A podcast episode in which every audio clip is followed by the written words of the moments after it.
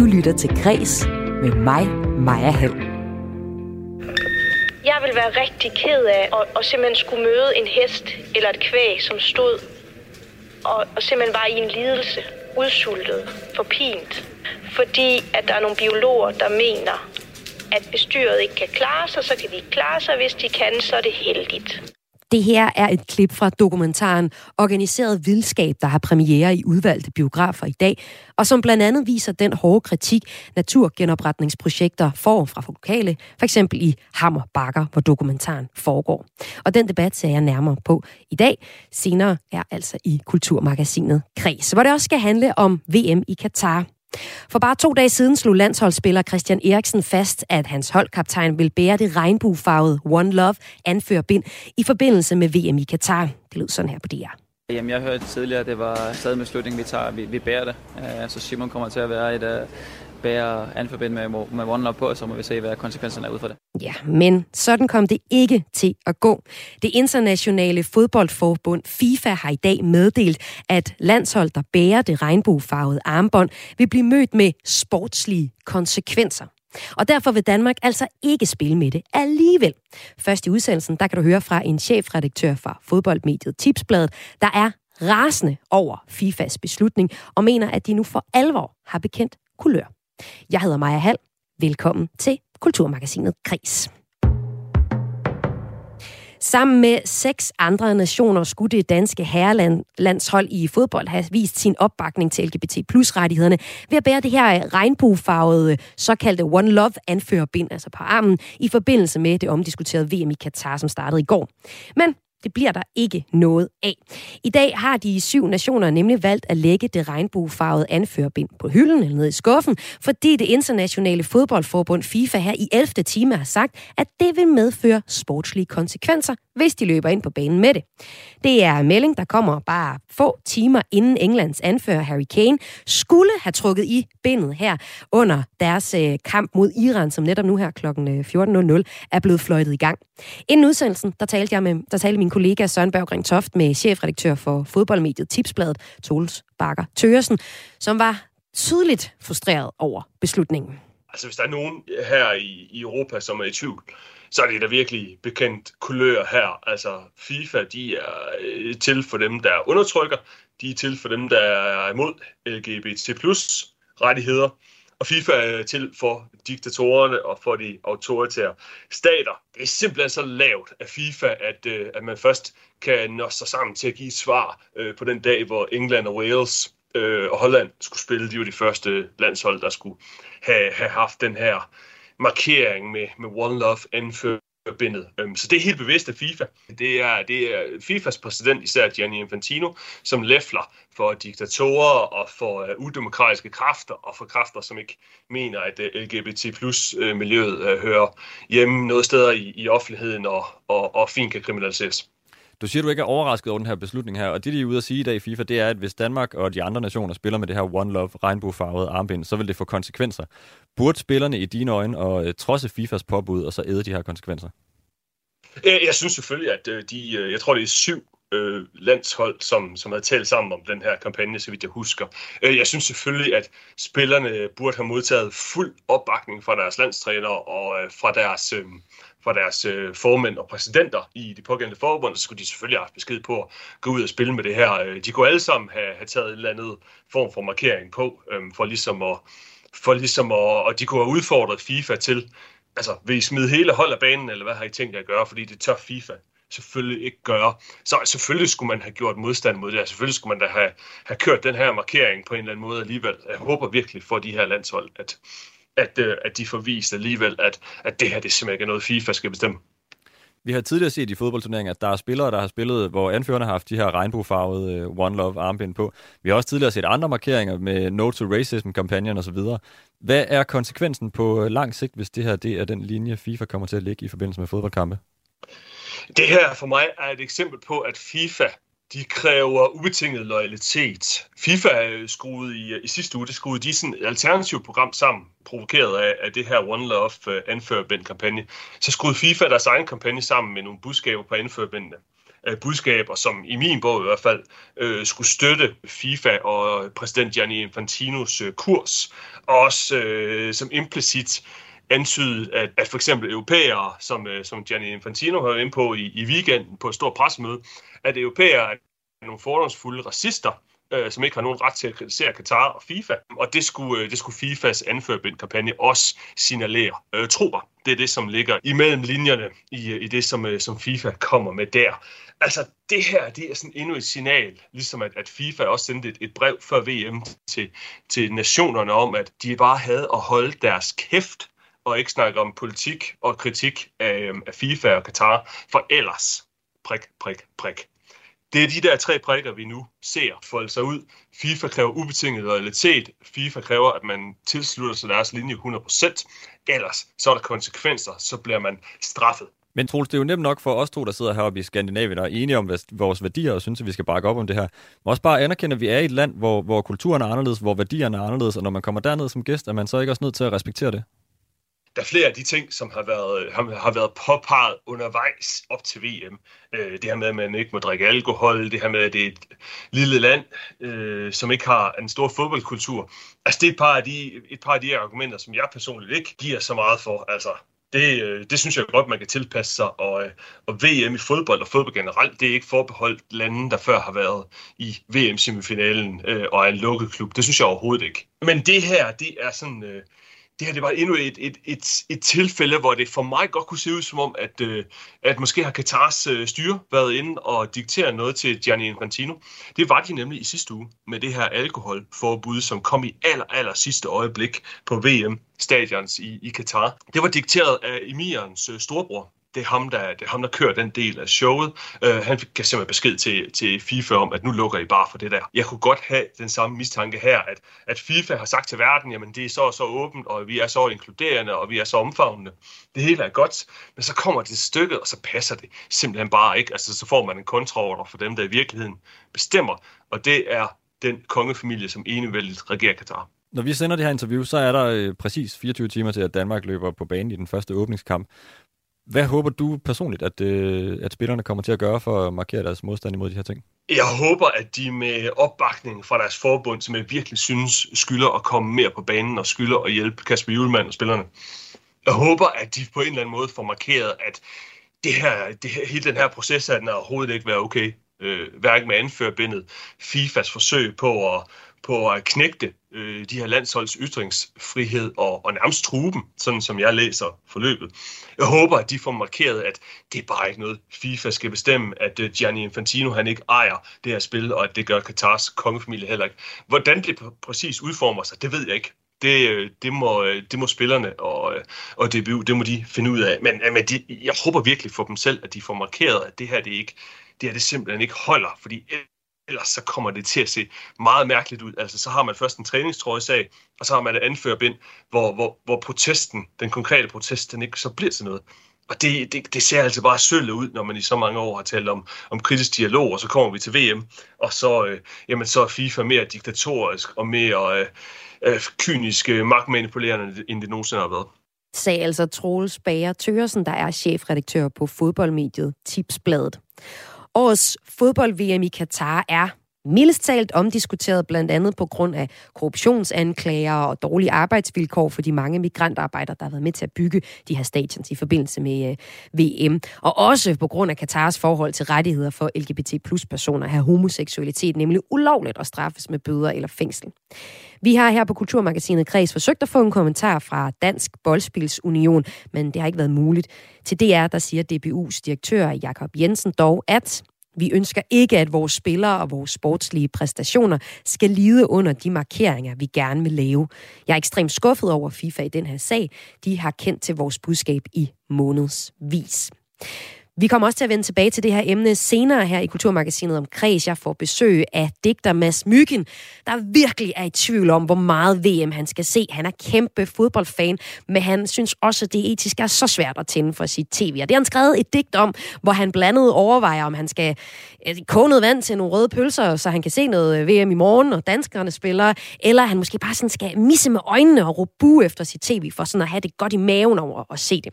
Men inden vi kommer til det, så skal det først handle om en dokumentar, der viser blandt andet de kraftige reaktioner, der kommer på nogle naturgenopretningsprojekter, for eksempel, som for eksempel er rewilding. Og den her dokumentar, den foregår så i Nordjylland. Du lytter til Græs med mig, Maja Hall. Der sidder en nyklækket hund og fire slidte hanner, der sviger omkring hende, og jeg tror, at den ene han, han er ved at gribe fat i hende. Det er en meget sjælden situation. Det her, det er sommerfugletælleren Flemming Helsinge, der i dokumentaren Organiseret Vildskab, som har premiere i dag, lige har spottet en sommerfuglehund af arten brun pletvinge, som ellers er på tilbagegang i Nordjylland og kun findes i Hammerbakker nord for Aalborg, hvor den her dokumentar netop foregår. Og det gør den, fordi her er der et naturgenopretningsprojekt, som så også møder kras kritik for brugerne af naturen, der særligt er bekymret for dyrene, der i området i princippet, hvis man skal gå den rette vej her, skal leve uden indblanding fra mennesker i sådan et naturgenopretningsprojekt. Jeg vil være rigtig ked af at, at simpelthen skulle møde en hest eller et kvæg, som stod og, og simpelthen var i en lidelse, udsultet, forpint. Fordi at der er nogle biologer, der mener, at hvis dyret ikke kan klare sig, så kan de klare sig. Hvis de kan, så er det heldigt. Om man er Flemming, sommerfugletælleren, eller borgeren her, eller min næste gæst her i Kulturmagasinet Græs, så sætter man øh, pris på naturen. Gør man ikke det, Rasmus? Ja, det tror jeg er fælles for alle, ikke? at vi sætter pris på naturen. Alligevel så opstår der en konflikt mellem de her naturbegejstrede. Det kan man også sige, at du er så meget, at du har beskæftiget dig med naturen i dine øh, mere end 25 år som forsker i biodiversitet ved Aarhus Universitet ordentligt velkommen til, Rasmus Ejnes. Tak. Og du er også kendt her på kanalen, der har du nemlig programmet Vildspor, hvor du tager lytterne med rundt i de grønne områder af Danmark og ser på de debatter, som naturen afføder. Så medvirker du faktisk også ganske kort og lidt tilfældigt i den her dokumentar, som altså har premiere i dag. En dokumentar, du har set, og for dig så minder den der om, at rewilding-projekter, naturgenopretningsprojekter, som det her er i Hammer Bakker, det provokerer nogle danskere. Hvad mener du med det? Det er erfaringen igen og igen, kan man sige, at det hedder så, at forandring fryder, men når det kommer til stykket, så er der ikke ret mange, der mener det. Så, så når der sker de her store forandringer med det, vi har vendt os til, er naturen, sådan som vi godt kan lide den, og sådan som vi færdes i den, så begynder folk at protestere. Og det, der så har vist sig i de senere år, det er, at det, der sådan særligt vækker følelser, det er de her store dyr, som vi er vant til at kende som vores tamdyr, rideheste eller, eller malkekøer eller som vi så møder nede i køledisken i supermarkedet. Men, øh, men det er meget uvandt for os at forestille sig, at de kan leve som vilde dyr. Så det vækker virkelig store følelser øh, i de her projekter, hvor de bliver sat ud og, og lever ude i naturen, uden at vi blander os i deres liv, og uden at de skal fodres hele tiden. Og det er jo altså noget af det, som Fie Ambro, der er dokumentaristen bag organiseret vildskab, har fanget på kamera. Det er det her projekt i øh, Hammerbakker i Nordjylland. Øh, på Aalborg Kommunes hjemmeside, så står der, projektet vil skabe 1000 hektar natur, som skal forbedre levesteder for sjældne dyr og planter, og samtidig skabe storslåede naturoplevelser for besøgende. Det lyder jo i sig selv rigtig godt, men det er jo så også metoden hen til det, som der er nogen, der stiller spørgsmålstegn ved. Det her, øh, det, jeg ved ikke, du ved ikke helt, om man kan kalde det et rewilding-projekt, men det er fald et naturgenopretningsprojekt, som er sådan en bred betegnelse for, at man forsøger at skabe noget vild natur. Hvad er, øh, sådan, hvad, hvad er det for en filosofi, der ligger bag ved det, eller hvad er det for en forskning, der ligger bag ved det? Det er jo øh, den meget enkle hypotese, ikke, at, at det går ret skidt med biodiversiteten, og det, og det er jo faktisk ikke en hypotese, men det er viden. Og, øh, og vi ved også, at det skyldes, at vi mennesker har udnyttet naturressourcerne, så vi, vi, vi tager ligesom ressourcer ud af økosystemerne, og så kontrollerer vi økosystemerne. Vi forhindrer dem i at Altså, hvis der går ild i noget, så slukker vi branden, vi, vi, vi dræner arealerne, så de ikke er så våde, og vi dyrker planterne, så vi ikke har så mange forskellige planter, men lige dem, de planter, vi har brug for. Ikke? Og så har vi også faktisk tømt landjorden på hele planeten for store landlevende pattedyr. Så vi har virkelig styret tingene, og, og den her idé om naturgenopretning, det er så, hvis vi vil, gerne vil vende biodiversitetskrisen, så skal vi slippe styringen, og så skal vi føre naturen tilbage til en naturlig tilstand. Ja, du siger, føre naturen tilbage til en naturlig tilstand, ja. men fastholder vi ikke bare det med, at vi gerne vil styre tingene i sådan nogle genopretningsprojekter? Nej, altså her er der lidt, der er lidt forskel på at træffe beslutningen om, at her skal naturen have første ret. Og så at træffe beslutninger om, at her skal vi dyrke landbrug og skovbrug på vores måde. Så det er to meget forskellige. Det er også derfor, det, det giver ret store dønninger, at man, man vælger bevidst at slippe kontrollen. Før man slipper kontrollen, så fører man vandet tilbage, som det var, før vi drænede det væk. Så fører man dyrene tilbage, som de var der, før vi skød dem og åd dem. Men det er jo mega langt tilbage. Er det ikke sådan helt vildt svært Nej. at komme tilbage til ikke, øh, før? Man, og hvad er det for et før egentlig? Ja, man kommer aldrig tilbage. Man kommer altid, man kommer altid til nuet. Men det er bare vigtigt at forstå, at, at for de arter, der lever i vores natur i dag, der er det helt fuldstændig normalt, at der er elefanter, og der er næsehorn, og der er løver, og der er bison, og der er urokser og vildsvin. Fordi det har de været vant til i millioner af år. Så det der med, at, og det er det, vi kalder shifting baseline syndrome, altså det, at vi forestiller os, at naturen er sådan, som vi har oplevet den i vores tid, eller som vi kan se gamle landskabsmalerier, eller, men naturen den har en meget længere hukommelse. Så det er et forsøg på at tage menneskene ud af ligningen i nogle afgrænsede øh, øh områder. I Danmark så er det de her 15 øh, naturparker, hvor nationalparker, hvor man blandt andet arbejder med projekter som, som det. Ja, både og. Ikke? Det, det er et forsøg på at, at bringe naturen i en tilstand, hvor vi kan komme der som vidner, som værende, men ikke som gørende. Så det er den del af vores eksistens, vi er jo også bare natur, dybest set, ikke? men den del af vores eksistens, som træffer planer og beslutninger og har en mening og afgiver domme, det er den del, vi tager ud af ligningen. Og øh, når man gør det, så kommer der for eksempel et projekt som Rewilding-projekt, altså genforvildning, en, en vildskab. Man prøver at organisere den her vildskab, som dokumentaren jo så hedder. Og det er Fie Ambo, der står bag dokumentaren, hvor hun over fire år følger øh, en naturnationalpark i Hammerbakker. Og øh, her, der har vi jo allerede hørt lidt fra dem, der møder vi nogle forskellige kritikere. Og lad os lige prøve at høre tre af dem. Man møder dem i dokumentaren via telefonsvarbeskeder. Så der kommer lige et, et minut, hvor, hvor ordet bliver givet til nogle bekymrende, bekymrede lokale lokale omkring Hammer Bakker. Jeg vil gerne udtrykke min bekymring over rewilding-projektet i Hammer Bakker. Vi kan ikke udsætte det, der i virkeligheden er et dyr, og forestille os, at det er vilde dyr, og fratage dem retten til føde om vinteren. Jeg synes bestemt, at vi skal bruge græsser i vores øh, naturpleje. Men det er en fejl efter min opfattelse at øh, sætte dem ud generelt i vores skove og i vores fulde naturområder og afskære øh, folk, som naturligt nok er nervøse for at færdes blandt store dyr. Jeg vil være rigtig ked af at, at simpelthen skulle møde en hest eller et kvæg, som stod og, og simpelthen var i en lidelse, udsultet, forpint. Fordi at der er nogle biologer, der mener, at hvis dyret ikke kan klare sig, så kan de ikke klare sig. Hvis de kan, så er det heldigt. Rasmus Ejernes, seniorforsker ved Institut for Biodiversitet Aarhus Universitet. Forstår du de bekymringer, vi hører på båndet her fra dokumentaren Organiseret Vildskab? Mm, jeg ved ikke, om jeg forstår det, men jeg kender dem i hvert fald. Jeg har hørt dem mange gange. Øhm, så der er jo ingen tvivl om, at naturen bliver jo en lille smule mere farlig, hvis der er store dyr. Så når man kommer derud, så skal man jo navigere og lære, hvordan man færdes mellem store dyr. Så en lille smule mere farlig, men ikke så farlig som trafikken. Og så er det jo også rigtigt, at hvis man sætter dyr fri, så får de nogle muligheder, som de ikke har inde i en stald. De får mulighed for at udfolde deres eget livspotentiale. Det kan de ikke ind i stallen. Altså, der er en masse ting, de ikke kan. Til gengæld så er det hårdt at leve ude i naturen.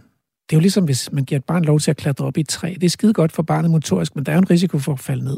Så, så, så det er ligesom en del af pakken. Altså, så synes det er lidt pyldret? Mm, altså, jeg tror i hvert fald, at man kan sige, at hvis man boede i Kanada eller Nordamerika, så vil man have det anderledes med det. Så det er også et udtryk for, at vi er en bundekultur, hvor vi er vant til, at dyr det er nogen, der er tamme, og det er nogen, der i vores varetægt og kontrol og styring, og så tager vi ansvaret for, at de har det godt. Mm. Men det er jo bare lidt hyggelig, fordi det gør vi jo ikke. Altså dyrene har det jo af helvede til. Altså, der er masser af hunde, der lige nu, as we speak, sidder alene derhjemme i, deres, øh, i en lejlighed og venter på, at der kommer nogle mennesker hjem til dem, og som aldrig ligesom har nogen socialisering med deres artsfælder. Og vores stalle er fulde af dyr, som har det skidt, og ikke har noget plads at røre sig på, og ikke har noget valg i forhold til, hvad de skal æde, og ikke får lov til at parre sig med deres artsfælder, og så videre, og så videre, og så videre. Ikke? Der dør 28.000 pattegrise i danske stalle om dagen, ikke? fordi de ikke får mad nok. Så det er jo hyklerisk. De har det jo ikke godt, de der dyr, der er i vores varetægt. Så derfor så tænker jeg, at... Så bekymringen er udtryk for noget hyggeligrisk? Den er, ja, den er udtryk for en bestemt måde at se på dyr på, og måske også for en, en angst for kontroltab. Der er et enormt kontroltab i at sige, at de der dyr, de, de klarer sig egentlig bedre uden os. De vil faktisk gerne være fri for os, ikke? Nu gerne... nævner du øh, udlandet. Ikke? Vi har store områder i Kanada og Amerika, ja. hvor vi har de her nationalparker, og de går mange hundrede år tilbage, at man har etableret dem. Men så kan man også sige, men er der overhovedet plads til at lave sådan nogle... Øh, ja, naturgenopretningsnationalparker her i Danmark, når der også skal være plads til os? Ja, og det har vi faktisk undersøgt, så vi har så kigget på kort og lavet sådan nogle GIS-analyser på Aarhus Universitet, der viser, at der er ret mange områder i Danmark, hvor man sagtens kunne finde mere end 1000 hektar. Der er også nogle, man kunne finde mere end 5.000, 10.000. De største områder, der kunne man få samlet 50.000 hektar sammenhængende natur, hvis man vil. Mm, så, det, så barrieren er egentlig meget inde i vores hoveder, og ikke så meget ude i virkeligheden. Vi har svært ved at forestille os, at naturen kan blive vild i Danmark. Men kommer man ud i sådan et område, hvor man har sat dyrene ud på fri fod, for eksempel Molslaboratoriet, så vil man jo ikke være i tvivl om, at det er sgu, det er sgu vilde heste, der lever derude. Altså. Mm, mm. Ja, eller hvad? For det er jo det, der også går kritikken på. Det er de her heste, der skal være i de her øh, naturgenopretningsområder. For eksempel i Mols Laboratoriet, hvor der øh, kommer nogle heste ind, de er ikke tilredet, så på den måde er de ikke gjort tamdyr på den måde. Og så skal, er ideen, at de skal leve helt øh, uden menneskers indblanding, uden man giver dem tag over hovedet eller noget mad. Mm, en del af kritikken er jo så, at de her heste, jamen de kan risikere at sulte, eller der kan ikke være øh, tørt og varmt nok til dem, og at det ikke er særlig fordrende for noget som helst. Kan du forstå den bekymring? Mm, ja, men altså, der bliver man nødt til at sige, biologisk set, så er det jo afgørende, om hestene kan klare sig i naturområdet. Altså, trives de? Og for eksempel, nu det har vi jo prøvet på Voldslaboratoriet, det viser sig, at det gjorde de jo så. De formerede sig. Der blev flere heste fra år 1 til år 2, og flere fra år 2 til år 3, uden at de blev fodret, og de klarede sig fint vinteren igennem, uden at der var nogen, der døde af det. Det man så skal forstå, det er, at den der mangel på mad, den kommer af, at de parer sig. Den kommer ikke af, at der mangler noget i naturen. Der, den kommer ikke af, at området er for lille. Den kommer simpelthen af, at de parer sig. Så der findes ikke nogen økosystemer i hele verden, hvor der bare kan være ubegrænset vækst. På et tidspunkt skal væksten stoppe, og det gør den ved, at nogle af dyrene skal dø. Og det er måske det, der er det ultimative kontroltab i de her vilde naturområder, det er, at vi er simpelthen ikke parat til at, at møde circle of life. Mm. Altså, at der til fødsel af nye føl og nye kalve, så hører der også død af eksisterende køer og heste. Og det kommer så simpelthen af, at der ikke er ubegrænset mad i nogle økosystemer i hele verden. Ja, det er jo faktisk det lille klip, du er, er med i den her dokumentar Organiseret Vildskab, hvor du siger, øh, dyren, vi skal dø, og det øh, ligger der et stort oplysningsarbejde i at fortælle om. Hvad mener du med det? Ja, altså, vi, vi ser jo ikke ret meget død, øh, fordi at dyr i Danmark bliver jo slagtet. Så de bliver jo, altså, det er jo, de, de dør jo altså også af at blive skudt, ikke? Men, men vi ser dem ikke dø selv. Vi ser heller ikke ret mange mennesker dø selv. Så det sker jo mest for nedrullede gardiner og blandt en lille kreds af mennesker. Og måske er man med til det sammen med, sammen med sin familie et par gange i løbet, i løbet af ens liv. Så, så det er virkelig øh, noget, vi er fremmede for. Men hvis der var naturlig tæthed af store dyr, det er der ikke i Danmark i dag, fordi de bliver skudt længe inden de når naturlige tætheder. Hvis der var naturlige tætheder, og vi ikke gik og skød dem hele tiden, så ville der være masser af dyr, dyr der døde en helt naturlig død. Rasmus Ejernes, tidligere sagde du, at vi i Danmark er vant til, at naturen er noget, vi skal bruge. Hvad er problemet egentlig med, at vi underlægger os naturen og dyrker de arter, vi har brug for? Det er vel også det, der har drevet menneskeresten frem til der, hvor vi er i dag. Fuldstændig. Man kan sige, at det er vores natur. Og det, altså, vi er jo geniale, ikke? så det er jo lykkedes os i den grad at udnytte naturens ressourcer og underlægge os planeten. Mm. Det, der så er sket, ikke, det er, at i dag har vi en planet, hvor 96 procent af den samlede biomasse af pattedyr, det er mennesker og vores husdyr. Der er kun 4% af biomassen af pattedyr på jorden, fra mus til blåvaler, som er vilde dyr. Så vi har stort set altså, tømt planeten for, for vildt liv. Så når vi, hvis vi, hmm, jeg må hellere sige hvis, for det er jo en politisk beslutning, hvis vi vælger at give lidt af pladsen tilbage til den vilde natur, og lige nu taler vi om 0,6% af landets areal, der skal være naturnationalparker, hvis vi beslutter det, så, så handler det så om at lade være med, at det er sådan nogle områder, der ikke skal tjene os til nytte, men simpelthen bare skal være givet væk gæstfrit, generøst til vild natur, mm. til naturens ja. og livets udfoldelse. Ja. Og øh, det er der også nogen, der reagerer på i den her dokumentar, og debatten om de her naturgenopretningsprojekter, rewilding-projekter, er jo ongoing med de her nye projekter, der kommer, men så er der lokalbefolkningen, der reagerer kraftigt på den. Debatten den er jo så blevet genstartet med den her øh, nye dokumentar, Organiseret Vildskab, hvor man ser på området i Hammer Bakker. I torsdags, der medvirkede du i P1-debat, der også handlede om det her emne. Der var I både øh, fortalere, altså forskere som dig med i, der var også kritikere. Og øh, her kaldte du en af kritikerne af rewilding-projekterne for konspirationsteoretikere, og holder jo egentlig fast i det også på Twitter, hvor du skriver det igen. Du underbygger ja. også din påstand, og, og vedkommende får også lov til at holde og svare på kritikken. Og jeg kunne tænke mig sådan lige afslutningsvis lige øh, høre dig, hvad, det, hvad betyder det egentlig for de her øh, forskningsbaserede projekter, at der er så, øh, og fronterne så er så hårdt øh, trukket op, som de er. Men lad os lige tage klippet fra øh, P1-debat her.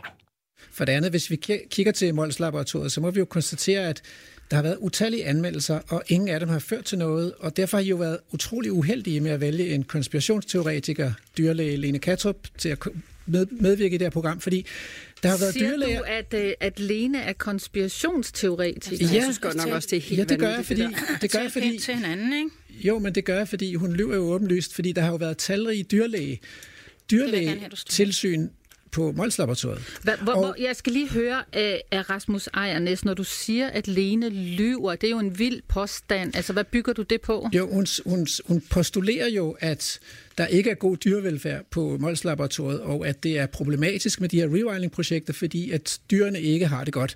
Men sagen er jo den, at der har været talrige tilsyn på Mols Laboratoriet, og tilsynet har hver gang frikendt øh, Mols Laboratoriet, fordi mm. at man har konstateret, at dyrene rent faktisk har det godt. Så... Lene Katrup, vi skal lige have Lene Katrup til at øh, reagere øh, på den beskyldning. Altså Lene Katrup, nu bliver du beskyldt for at lyve her og være konspirationsteoretiker. Hvad er dit svar til det? Altså jeg vil starte med at sige til ejerne, så jeg synes, vi skal prøve at have en pæn tone. Jeg er chokeret, det er jeg, men det har før været.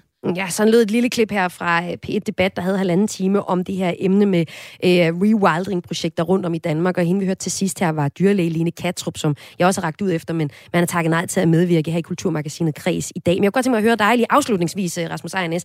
Er det fordrende for debatten at kalde nogen for konspirationsteoretikere? Det er nødvendigt i en tid med faktabenægtelse. Den er, den er simpelthen ikke længere vel, og det er jo journalistens opgave. Så journalisten her i det her tilfælde og redaktøren, de har valgt en meget, meget stærkt afvigende dyrlæge til at medvirke i det her program, uden at deklarere det for lytterne. Hun bliver bare fremstillet som en dyrlæge med mange års erfaring. Mm. Men hun står jo og modsiger sine egne dyrlægerkolleger, som foretager det professionelle tilsyn på Mols Laboratoriet. Hun undlader også bekvemt at nævne, at Mols Laboratoriet har samarbejdet mm, mm. med dyrlæger i hele i, i hele forsøgets øh, periode. Så altså, og påstanden om, at arealet er, at dyrene bliver vandrygtet på arealet, er jo mm. fuldstændig mm. udokumenteret, altså. Tværtimod. Ja, og vi har jo så ikke Lene Kadrup med til, og, og heller ikke nogen på redaktionen fra Papet til at svare mm. på det, men, men altså... du er journalist, så men, du, kan jo sætte, altså, du kan jo bare tjekke det. Men jeg forstår i hvert fald din øh, kritik af den afvejning, du synes, der er i, i debatten i forhold til fakta over for følelser. Men altså i dag, hvor der er vaccineskeptikere, og hvor der er 9-11-skeptikere, og hvor der er Putin-skeptikere osv., altså du bliver, der er også folk, der ikke mener, at klima, klimaforandringerne findes. Du bliver simpelthen nødt til som forsker at tage afstand og så kalde folk, når der er tale om konspirationsteorier. Og hvad det bunder i de her forskellige forhold til natursyn, det skal vi handle om nu, men jeg kan sige tusind tak, fordi du var med her i Kulturmagasinet Kreds, altså Rasmus Ejernes, der er seniorforsker ved Institut for Biodiversitet på Aalborg Universitet. Aarhus Universitet, tak. Ja, Aarhus Universitet, ja. Øh, organiseret vildskab kan ses i biografer fra den 8, eller nu og fra den 8. december på TV2, altså instrueret af Fie Ambo. Om lidt, så får jeg her i Kulturmagasinet Kreds besøg af en digter, der har ret mange kvaler ved øh, VM i Katar, og fundet på alle mulige gode metoder og grunde til at kunne se det uden dårlig samvittighed, f.eks. med sammenknippet øjne eller igennem sin søn. Hvad det går ud på, det kan du høre om lidt. Men vi bliver som sagt lidt ved den her nye dokumentar, og den naturforståelse, det natursyn, der ligger til grund for både kritikken og opbakningen til naturgenopretningsprojekter. Så hæng på og find ud af, hvilket natursyn du har.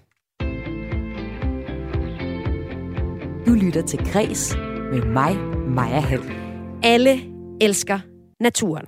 Alligevel er vi rygende uenige om, hvad vi, hvordan vi skal forholde os til den. Det viser dokumentaren, vi lige har talt om her. Den hedder Organiseret Vildskab, og som altså har premiere i dag i udvalgte biografer. Den viser den her ophedede debat øh, blandt de her naturgenopretningsprojekter, eller rewilding-projekter.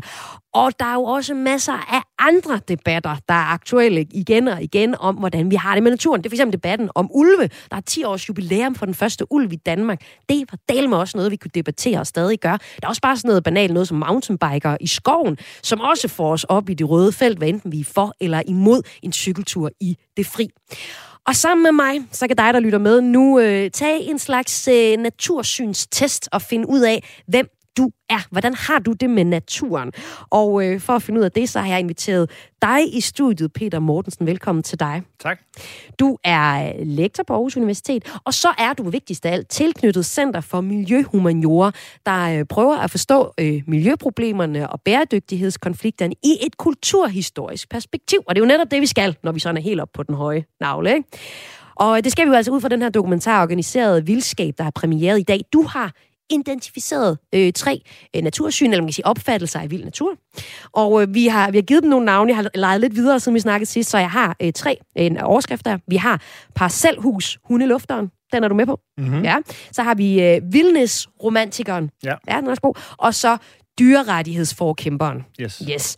Og øh, lad os lige få sat nogle ord på de tre, for at se, øh, hvem man kan spejle sig i. Vi har type 1, parcelhus hundelufteren.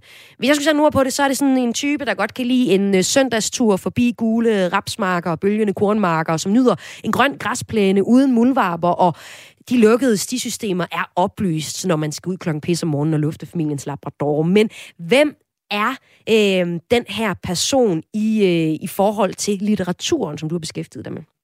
Øhm, ja, altså den her person, man kan sige, det, hvis man går tilbage, rigtig langt tilbage, til de rigtig gamle dage, øh, mere end 200 år siden, så, så var den vilde natur, som vi lige hørte om, og som vi ser i filmen, det var den onde natur, den ondskabsfulde natur.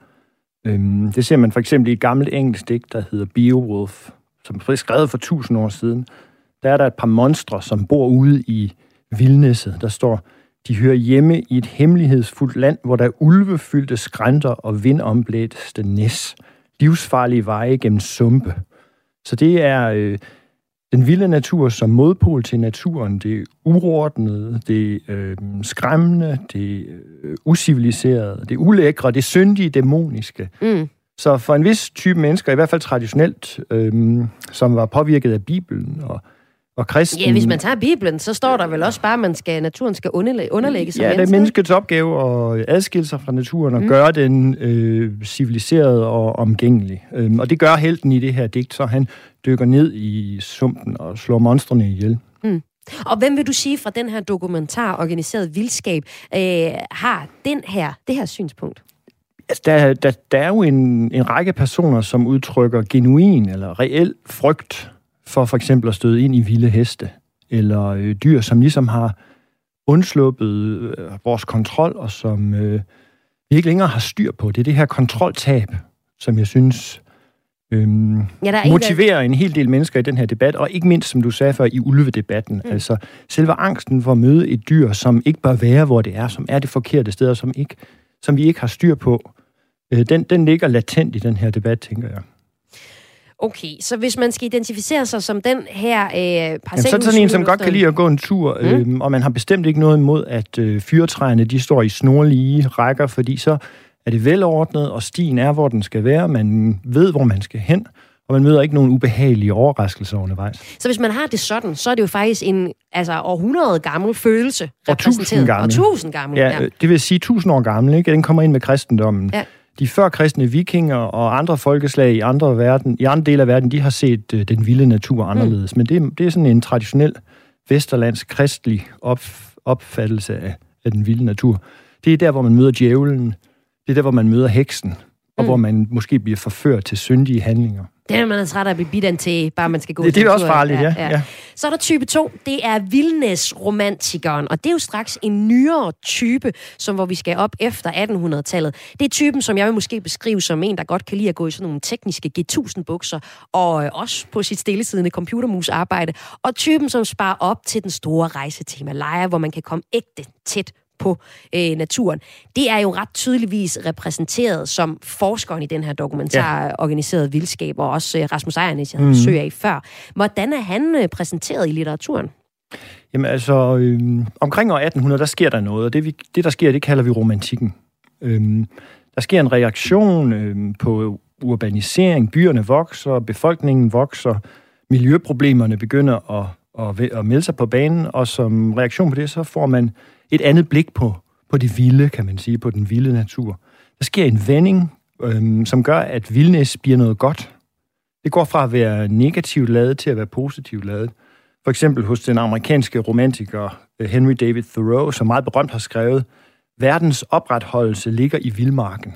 Altså, vores overlevelse, vores øh, kultur, vores civilisations overlevelse beror på vildmarken. Og vildmarken er noget, som man opsøger. Det er ikke noget, man flygter fra. Det er noget, man gerne vil opleve. Det er noget, man beriges af, kan man sige. Ligesom for eksempel danskere, der spinker og sparer for at tage til Himalaya, som du Mm. sagde, eller øh, Serengeti, eller øh, Yosemite. Øhm, Thoreaus idéer, hans romantiske idéer, havde meget stor betydning for oprettelsen af nationalparker. De første amerikanske nationalparker, steder som Yosemite eller øhm, andre steder i det vestlige USA. Så nu har vi altså fået to typer, og når det er interessant at se på de her typer, som er repræsenteret i litteraturen, som du præsenterer for os nu, så er det også for at prøve at forstå, hvorfor der er så mange følelser på spil i de her debatter. Altså, der er jo øh, folk, der har skudt en ulv, for eksempel, og folk, der øh, bare spænder sig fast til øh, træerne, for at de ikke skal fældes. Altså, der er virkelig følelser på spil, også bare hjemme i lille Danmark. Og nu har vi jo ligesom den her vildnæsromantikeren, over for den type, der står der en skarp kontrast, og det skulle man jo ikke tro, men det er den, jeg har kaldt dyrerettighedsforkæmper. Hvem er det i dokumentaren? Det er jo dem, der, øh, der bekymrer sig om hestenes velfærd, og øh, som øh, ulovligt vel fodrer hestene med, med mad, som de egentlig ikke burde have, øh, og som... Øh, tiltager sig, som, som, som ikke lader hestene gå i fred, kan man sige. Mm, øhm, mm. Som går bare op i dyrene i sig selv. Som simpelthen ikke accepterer vildmaks, vild, vildnæstanken som, som legitim. Fordi de har et andet udgangspunkt. For de her mennesker, som, som du siger, de har øh, udgangspunkt i dyrerettighedsbevægelsen, og for dem er det afgørende at undgå unødvendig lidelse for dyr og mennesker. Altså, de har sådan et moralsk udgangspunkt, som tilsiger, at vores pligt som mennesker er at prøve at formindske lidelse for andre væsener, mm. andre følende væsener. Det, og det, der inkluderer de heste for eksempel. Visse typer af dyr kan komme ind i den kategori. Så for dem er det, øh, hvad hedder det, det er uacceptabelt at se, at, øh, at, man på, at, at, at der er syge heste, eller mm. at nogle af hestene er ved at dø.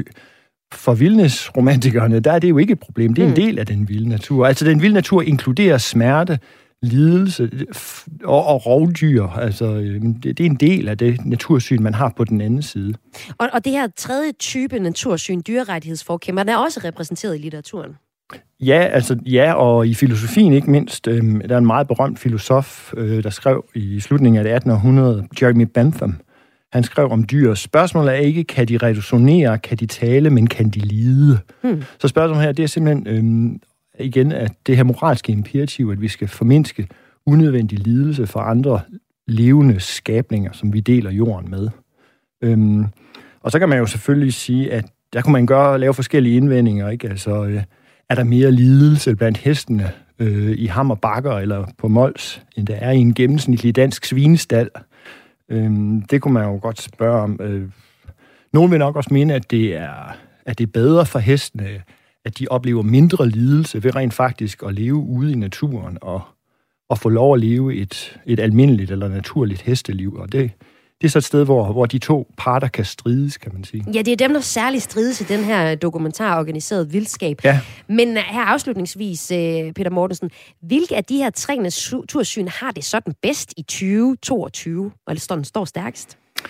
Det, det er svært at sige. Jeg tror, det handler til dels om magt øh, og politisk indflydelse. Øhm, de universitetsuddannede biologer, de har selvfølgelig fat i den lange ende, for så vidt, at det ofte er dem, der er ansat til at administrere naturen i, i kommuner og regioner. Men jeg synes, man ser i dokumentaren, og man har også set andre steder i medierne, at øh, den folkelige modstand mod rewilding-tanken er, er stærk. Mm. Øhm, og øh, man kunne godt forestille sig, at, at der kunne ske skift på det punkt, øh, at andre politiske partier, for eksempel hvis de kom til magten, at der kunne, at der kunne ske nogle, nogle ændringer. Men øh, det ved jeg ikke. Det har også noget at gøre med alder. Der er også et alderperspektiv her, og, øh, og de fleste unge mennesker, som jeg kender, forekommer at være rimelig sympatiske over for rewilding-filosofien. Øh. Nu har vi i hvert fald fået de øh, tre forskellige natursyns-typer øh, opridset øh, her i Kulturmagasinet Kreds, og så er det jo så op til dig, der lytter med, om du bedst skal se dig i parcelhus, hundelufteren, vildnæsromantikeren eller dyrerettighedsforkæmperen. Jeg tror godt, jeg har sådan lidt et mix af dem. Jeg tror ikke, jeg er 100% nogen af dem, men sådan er vi jo også dejligt komplekse alle sammen. Er det ikke sådan? Du ligner mere en vildmarks person. Nå, okay. Hvad, hvad vil du skrive det på? Peter Mortensen, tusind tak, fordi du var med her i Kulturmagasinet Kreds. Du er, som sagt, lektor på Aarhus Universitet. Du lytter til Græs med mig, Maja Hall. Og øh, nu skal det handle om VM i Katar. Skal, skal ikke tænde for fjernsynet? Det er det store spørgsmål, som nogen sidder med. En af dem har jeg fået besøg af nu her i programmet. En, som overvejer, om det er stadionspølser og Dannebrugs flag på kinderne, der skal gang i, eller om det er mere sådan noget med lukkede øjne og hademails til DBU, eller måske man bare skal misse lidt med øjnene, og så sådan se sur ud over kampene, og på den måde retfærdiggøre for, at man ser den her, for eksempel åbningskampen i går, i det skandaleombruste VM i Katar, hvor værtskabet blev kaldet for en af de største skandaler i sport sportshistorien. En øh, kraftig kritik af menneskerettighederne har fået nogle danskere til at overveje, om de vil følge de danske fodboldherres kampe, hvor der er første kamp i morgen. Og en af dem, det er min næste gæst, som sagt. Det er dig, Mads Myggen. Du har skrevet et humoristisk digt, du tillader mig at sige, om det her dilemma. Velkommen til dig. Tak. Hvor stor en fodboldfan vil du sige, du er? Jamen, jeg er en meget stor fodboldfan. Øh, det er jeg både i forhold til det hold, jeg følger, som, øh, som ligger her i Aarhus, nemlig AGF, hvor jeg har sæsonkort, og jeg har skrevet digte til AGF i deres kampprogram i flere år, og, og jeg, jeg misser stort set aldrig en kamp. Det er jeg også i forhold til landsholdet, som jeg også altid øh, ser så meget jeg kan. Det er primært i fjernsynet. Og så ser jeg en masse andet fodbold øh, på alle mulige niveauer. Så øh, jeg er en meget stor fodboldfan. Og så er der vil være mange lytter, der siger, hvorfor er du i tvivl? Altså, du har jo så været i tvivl, om du skulle se ikke bare åbningskampen, men endnu mere i tvivl, om du skulle se Danmarks første kamp i morgen. Og digt, det, er den her tvivl har du skrevet et, et digt om, og jeg er også spændt på at, at høre dig, om du så så åbningskampen i morgen. Men prøv lige at forklare mm. først, hvad er det helt præcis, du, Mads Myggen, er i tvivl om som så stor fodboldfan? Jamen, det er jo, om jeg øh, direkte eller indirekte kan, kan øh, støtte op om den her VM-slutrunde. Vi ved med, med ret stor sikkerhed i hvert fald, at den er, er blevet tildelt Katar på grund af korruption. Vi ved, at mindst 6.500 migrantarbejdere er døde, mens man har bygget stadions til den her slutrunde. Og vi ved, at det er et øh, diktatur og et samfund, hvor man øh, simpelthen ikke må være homoseksuel, hvor kvinder har ekstremt indskrænkede rettigheder og en masse andet, som, som jeg synes, jeg har svært ved at stå indenfor. Og, og på den måde, så, så skal jeg finde ud af, hvor meget jeg egentlig støtter Katar eller FIFA øh, eller DBU ved at se en fodboldkamp og tale om det og forholde mig til det, og hvor meget jeg, jeg skal holde tilbage med det. Og det har du så skrevet et øh, digt om, og det synes jeg, vi skal høre, og så skal vi se lidt nærmere på de forskellige løsningsmuligheder, der har, og ikke mindst også høre, om du så kampen i går, om du kommer til at se kampen i morgen. Men øh, lad os først høre her i Kulturmagasinet Kreds Mads Myggen med digtet VM i Katar. Jeg ser det ikke. Niks. Boykot. Jeg ser det ikke, men læser om det. Måske jeg ser åbningskampen, skal lige mærke efter. Eller jeg ser Danmarks kampe. Nej, jeg ser det hele som en journalist, der rapporterer fra en krigszone. Skudlinjer kalder jeg min poesi. Lidt kikset. Jeg ser kampene, skriver om dem. Ikke fordi jeg vil, fordi jeg skal. Jeg ser alle kampene og skriver digte om Katar, der ikke handler om fodbold. Jeg ser kampene og holder mig for øjnene. Jeg spiller en kamp mod mig selv, hver gang der er kamp i fjernsynet. Jeg ser Katars kampe og hæpper på modstanderen. Nu ved jeg det. Jeg adskiller sport og politik. Koger pølser til hotdogs, lægger øl på køl, maler Dannebro på kinderne og synger, der er et yndigt land. Tager mig til hjertet. Jeg vasker min landsholdstrøje, når Danmark har spillet en symbolsk handling. Jeg er ikke ren. Det indrømmer jeg gerne. Jeg sportswasher. Jeg har spillet serie 5 for at blive set, tiljublet, hyldet. Jeg har haft skjulte motiver på knoldede boldbaner bag Katrinebjergskolen. En klar dagsorden om at fremstå som et bedre menneske, da jeg hættede til en blød bold i Røde Stjerne, da jeg vrikkede om i AA Tranbjerg, da jeg spillede mål til mål på en legeplads i Rosenhøj, jeg er gået for hårdt ind i en takling for at glemme tre ubesvarede opkald fra min bankrådgiver. Jeg har filmet mig til et straffespark for at forsøge at glemme et skænderi med min kæreste. Jeg har lagt pres på dommeren gennem en hel kamp, fordi jeg var så bitter over, at jeg glemte EP-valget. Når jeg ser en kamp, misser jeg med øjnene. Forsøger at se så skeptisk ud som muligt. Okay, jeg ser kun de indledende runder, før det bliver alvor. Nej, jeg holder mig til knald- eller faldkampene, når det skal afgøres. Jeg begrænser mig. Ser bare finalen. Nej, jeg må kun se med, hvis jeg buer hele vejen igennem. Jeg ser kampen et offentligt sted, hvor de alligevel bliver vist. Jeg stemmer med mit tv. Jeg vil ikke være et seertal. Jeg ser kampene med et pride-flag over skuldrene. Jeg printer FN's verdenserklæring om menneskerettigheder ud i A2 og klistrer den på mine venners tv-skærme. Tvinger dem til at se kampene gennem den. Jeg skriver et læserbrev til politikken hver eneste dag under slutrunden. Jeg følger VM på tekst-tv, på livescore. Hey, jeg ser kampene gennem mit nabos vindue fra gaden og sparer energi. Jeg ser kampene med min søn og ser kun på ham, der ser kampene. Forestiller mig, hvad han tænker. Jeg opretter et borgerforslag om, at dansk tv ikke viser VM, at det danske landshold trækker sig, at DBU skal undskylde offentligt, for at de ikke har været mere kritiske, mere tydelige. Jeg sender hate mails til DBU fra en anonym Twitter-profil. Fuck DBU John 1967 er mit navn. Jeg ser denne ene slutrunde, og så ser jeg ikke mere fodbold i år. Ind til næste VM, nej. Jeg ser aldrig fodbold igen. Men jeg stalker Sepp Blatter ved hans sommerresidens. Jeg opsøger Michel Platini i hans hjem. Jeg påkalder strømafbrydelser på alle stadioner under slutrunden. Risiko for lynnedslag i hver eneste kamp. Jeg planter en blomst for hver eneste stadion, der er bygget i ørkenen. En mælkebøtte for hver migrantarbejder, der er omkommet under byggeriet. En impala-lilje for hvert korrupte FIFA-medlem. Tusind tak for det. Her var det Mads Myggen med digtet VM i Katar. Et digt, man også kan finde i øh, fodboldkunsttidsskriftet Mål, hvor det altså er trygt, og som beskriver dine konfliktfyldte følelser omkring rigtig gerne at vi se VM i Katar. Du er kæmpe fodboldfan, og jo så også den konflikt, du føler i forhold til, at hvis du ser det, jamen så er du et seertal, så stemmer du faktisk på øh, VM-slutrunderne i Katar, stemmer på Katar, stemmer op om Katar og de brud på menneskerettigheder, som har været øh, vist i det. Og nu skal jeg jo så høre. Mm. Åbnekampen i går, Mads Myggen. Så du igennem din, din søn? Eller Jamen, øh, budede du af tv? Jeg tror faktisk, jeg valgte en, en model, som, jeg ikke, som ikke øh, var gennemtænkt, og som heller ikke står i mit digt, nemlig at jeg simpelthen prøvede at lade søndagen føre mig. Altså prøvede at lade øh, det, der ligesom ellers var på programmet, føre Det lyder meget åndeligt. Ja, det lyder nemlig åndeligt, og vi, jeg var nede i Rigskov med min lille søn og, øh, og legede, og tænkte på et tidspunkt, det er nu, jeg skal gå hjem, hvis jeg skal nå at være klar til klokken 17.00. Det tikkede i dig. Det tikkede jo i mig, ja. og alt var jo ligesom, jeg havde ikke nogen alarm sat, men den ringede alligevel inde i mig, og, og det vidste jeg godt, at det er nu, du ligesom må træffe en beslutning. Og så tænkte jeg, de her legehuse, og den her pind, som vi går og samler, øh, som min søn synes er sjov. Måske skal jeg lade det føre mig. Jeg, jeg tænkte på at sige et eller andet med, at det var noget stort. Det var træerne, der gjorde det. Men det var måske noget mindre end mig. Altså min, min lille søn, der faktisk fik lov at lege færdig. Og så kom vi hjem, og det var cirka midt i pausen. Og så tænkte jeg, jamen nu ville det være oplagt, hvis jeg ikke skal sætte Arne Alligator på og sætte en fodboldkamp på til mig selv. Mm. Og det, det vil jeg gerne. Og så så jeg simpelthen øh, anden halvleg af åbningskampen i går. Og det var du faktisk rigtig glad for, at du gjorde? Ja, det var jeg faktisk, fordi øh, dels var jeg egentlig i, i mit meget barnlige sind glad for, at Katar tabte, for nu at sige det som det er.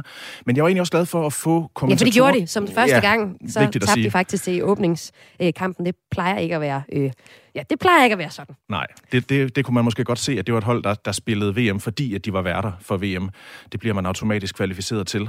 De tabte 2-0 til Ecuador, og øhm, jeg var glad for at se det, primært jo fordi jeg fik faktisk noget viden, som jeg ikke ville få, hvis jeg sad og så det på et øh, ulovligt stream med en kongolesisk kommentator. Det var jo kommentator. faktisk din, øh, ja. den løsning, da jeg talte med dig her inden weekenden, ja. at det var nok det, du ville, fordi så ville du ikke være et seertal, som man på den måde bakkede et officielt, så ville du faktisk se det ulovligt. Nemlig. Men du valgte at se det øh, lovligt, og der fik du noget ekstra. Jamen, jeg, jeg fik jo det, at der sidder jo øh, Morten Brun, synes jeg er meget dygtig, troværdig øh, sportsjournalist og kommentator sammen med øh, en øh, ansat på TV2, Thomas Christensen, mener jeg, han hedder. Og de sidder jo på stadion i Katar. Så kan man sige, wow, så har de allerede øh, blåstemplet noget, eller lagt nogle penge dernede. Men de kunne også give mig noget viden fra den slutrunde, den kamp, som jeg ikke ville kunne se ellers. Nemlig, at øh, da kampen var ved at være slut, var der cirka tre fjerdedele af alle på det her kæmpe store, nybyggede, gigantiske stadion øh, udvandret. Mm. Fordi at der ikke er så stor interesse for fodbold, fordi Katar var bagud, og øh, fordi at der ligesom ikke var den der opbakning nødvendigvis, sådan dig har. Og det er ret sindssygt, at der er så mange, der går for det. Men det er jo noget, man ikke ja. kunne se, hvis man bare så det på et link. Præcis. Ja. Det, det, det handler så om, at man simpelthen beskærer, man laver et snit, når man viser det. Øh, og det er jo altså øh, ikke DBU, der viser det her, eller TV2, det er der nogen inden for FIFA og så videre, der er ansat til at gøre, og de skal jo få det til at se ud som om, at det er den mest fantastiske kamp og slutrunde. Det skal de jo ikke altid, når der er VM. Så de lagde snittet lavere og lavere, og til sidst så var vi helt nede kun at se kampen, og kun at se øh, de 22 Ej, spillere, og ja. ikke det her gigantiske nybyggede ja. stadion, som altså rigtig mange mennesker er døde under øh, ja. byggeriet af. Så, så man zoomede mere og mere ind for at vise, at øh, der er der dog 22 mennesker hernede nu på, på banen. Så mens du gjorde øh, god gammel, når man ikke ved, hvad man skal gøre, så gør man halvt det ene og halvt det andet. Eller vi kan også øh, tage, godtage din forklaring om, at man gjorde, du gjorde det, du følte lige var i nuet, og, og så tændte du for fjernsynet så anden halvdel. Men det rigtig spændende er jo faktisk, om du tænder for fjernsynet i morgen, om du allerede har været ude og købe nogle, øh, nogle pøller. Jamen, jeg er endnu mere sikker på... Så du kan spise stadionspølser. Ja, ja når det, Danmark spiller ja. i morgen. Jeg, jeg er endnu mere sikker på, at jeg kommer til at se Danmarks kampen. Øh, men, men det er jo også på en måde, som jeg aldrig har gjort før. Jeg har ikke nogen aftaler med nogen som helst øh, venner. Jeg har dygtige sportsjournalister som venner og fodboldfans osv., som jeg normalt vil se den kamp med, og med deres børn, og bygge den her fest op. Mm. Det kommer ikke til at ske. Altså, jeg kommer til at sidde alene, og tror jeg meget skeptisk, og kommentere, og måske skrive på et digt, øh, eller tænke over, hvad jeg kan sige næste gang, jeg er i radioen. Altså, hvad jeg kan tale med mine venner om, øh, mine elever, når jeg er ude og undervise på højskoler. Altså, hele tiden have et eller andet dobbeltblik på det. Jeg vil gerne se kampen, og se, hvad den ender. Men, men jeg sidder også konstant og reflekterer over, hvad fanden er det her for noget? Og hvordan mm. ser det ud på det stadion? Hvordan opfører de sig? Kommer der en demonstration? En eller anden aktivistisk handling på banen fra tilskuerne, fra vores hold? Der er masser, synes jeg, at være opmærksom på, som ikke bare handler om 4-4-2 over for 4-4-3. Ah, 4-3-3 dog. Sport og politik er i den grad blandet sammen, også for dig, Mads Myggen, som ellers er stor fodboldfan, og altså skrevet et digt om dine frustrationer omkring at se VM i Katar. Tak fordi du var med her i Kulturmagasinet Kreds. Selv tak. Du lytter til Græs med mig, Maja Hall. Og det sidste, vi skal her i Kulturmagasinet Kreds, er faktisk også at se på noget andet sport, nemlig håndbold. Danmark måtte nøjes med EM-sølv efter nederlag til Norges håndboldkvinder her i weekenden. Det danske landshold i håndbold spillede går aftes første danske finale siden guldåret 2002. Og den slags nederlag, den gør simpelthen, at man har brug for noget musik. Og derfor har jeg ringet til Danmarks største håndbold-DJ, Paul Erik Jensen. Velkommen til dig. Tak skal du have. Du er passioneret håndbold-DJ og har været med til at indføre det her med, at man spiller musik under håndboldlandskampen, for eksempel efter et mål. Hvordan var det først og fremmest at, at se først øh, fredagens øh, kvinder spille sig ind i slutrunden, og så jo så øh, at nederlaget i, i går for dig? Altså mit gamle håndboldhjerte, det, det brænder jo stadigvæk lidt, og i, som du sagde, i 2002, hvor vi var der sidste gang, der sagde jeg faktisk, at jeg have min debut som håndbold i dag, så det er jo, hvis to, det er vist 20 år siden eller sådan noget. Men uh, der sagde jeg oplevet det, og jeg sagde selvfølgelig også her, dengang jeg kunne se, at de kom videre, og den første kamp tabte de, og sådan nogle ting, jeg tænkte, åh oh, nej. Men uh, det gik jo, og så som vi snakker om før, også med fodbolden. Ja, selvfølgelig ser vi Danmark, og det gør vi selvfølgelig også her. Også det, øh, jeg sad spændt, det gjorde jeg der, jeg må også sige i går, men min fornemmelse er nok at have set mange, mange kampe på sidelinjen, kunne jeg godt se. Det går godt for Danmark, men så lige pludselig så får de sådan lidt, hvor de falder lidt ud. Mm. Og så lige pludselig så er Norge så rutineret, så de slår jo til. Men altså, en fantastisk altså stemning, som alle sammen ved, når der er Balkan-stemning, som man kalder det, den er jo fuldstændig vild. Og de der Montenegro-folk i, i den tidligere kamp der, også da de spiller med dem, de har jo ild i øjnene, det er jo helt vildt. Altså, det er ja, var... vi vant til at hjemmefra. Der var jo ild i øjnene, og så var der også øh, tårer i andres øjne, og det var jo altså de danske håndboldkvinder, som jo så måtte nøjes, men også ret fint øh, til at, at få sølv. Og øh, du har fundet et nummer frem, som øh, ligesom skal få dem lidt godt humør igen. Øhm, kan du sige lidt om nummeret, lige jeg spiller lidt af det? Ja, altså det, øh, det jeg har siddet hele tiden med, som, som der er forskel, når vi spiller i Danmark, det er jo, jeg kan godt have, eller vil gerne have, at folk synger med. Fordi det er det, der skaber stemningen, det er fællesskabet, Øh, og det er hele, hele den der opbygning, der er i det, og det er jo den, som, som vi spiller nu her. Ikke? Også den, det har været en af, af hitterne med damelandsholdet, at helt tilbage i 14-16 og sådan ting, hvor jeg tænkte på, at der skal noget nyt med her, fordi det er jo fint nok at, bare tage det, man kender fra radioen og sådan ting, men kan man nu indføre noget, eller komme med noget hit, som øh, alle ved nok, at jeg blev lidt kendt for herrelandsholdet med for evigt, men damerne skal altså også have noget. Så der, der var ikke rigtig noget ud, så der måtte jeg skulle selv ud og producere noget, og det, det er det nummer, som vi skal høre nu. Så det altså går direkte fra Danmarks største håndbold-DJ, Paul Erik Jensen, og så til vores øh, kvindelandshold i øh, håndbold. Her lige lidt af det her nummer. Can you feel your heart is beating? Can you feel the floor is moving? Let's get this party going and put your hands up in the air.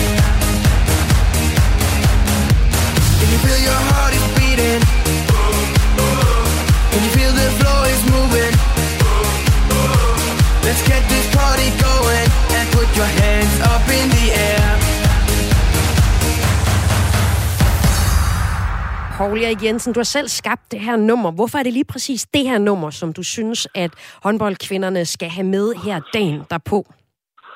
Fordi det, jeg synes, der er med den her, det er, at det er et fællesskab, og du, du kommer automatisk med til spillet. Der sagde jeg automatisk, at vi lidt med tæerne, ikke? og tænkte, okay, den beat, det passer med, at man kan klappe, og man kan være glad, og folk sidder med deres, øh, hvad siger, de der knappefølelser. Ja, man skal kunne klappe på to og fire, er det ikke sådan? Det er det, der er vigtigt. To og fire, der skal ja. du klappe med ja. på. Ikke? Og det, så, det var der ikke rigtig noget, så jeg tænkte okay, så må jeg selv gå ud og lave den. Ikke? Og det, det er det her, og den, den har været sådan et hit, så som jeg har fortalt før, at uh, lige pludselig kom der mange af de andre lande og sagde, hvad er det for et nummer, du har der? Det vil vi gerne have. Og så sagde jeg, okay, hvis I vil have nummeret, det er kun mig, der har det, så kan I komme med nogle trøjer, og det har givet mange håndboldtrøjer, som jeg så bagefter har fået, ikke? så det har sgu været meget sjovt. og det var altså nummeret Can You Feel Your Heart, som du står bag, Paul Erik Jensen, håndbold-DJ. Ja, Tusind tak, fordi du var med her til sidst i Kulturmagasinet. Ja, tak fordi jeg måtte. Det er godt. Hej. Og programmet er færdigt for i dag. Et program, der i dag var tilrettelagt af Søren Berggren Toft, og jeg har været din vært. Mit navn er Maja Hall. Kulturmagasinet Kreds er tilbage igen i morgen. Indtil da, så kan du finde programmet som podcast i Radio 4's podcast-app. Her i efteråret dykker Julie Bundgaard og Christian Holtet ned i de danske kriminalarkiver. Hvad er det derinde på Rigsarkivet, du er så fascineret af? Det er jo historier fra det virkelige liv. Lyt til Krimiland hver lørdag kl. 17.05 eller i Radio 4's app. Radio 4 taler med Danmark. Krimiland præsenteres af Sara Bledels nye krimi, Elins død. Læs eller lyt til historien om Louise Rik, der sendes på en ny opgave, der sætter hende og P13 på en ekstraordinær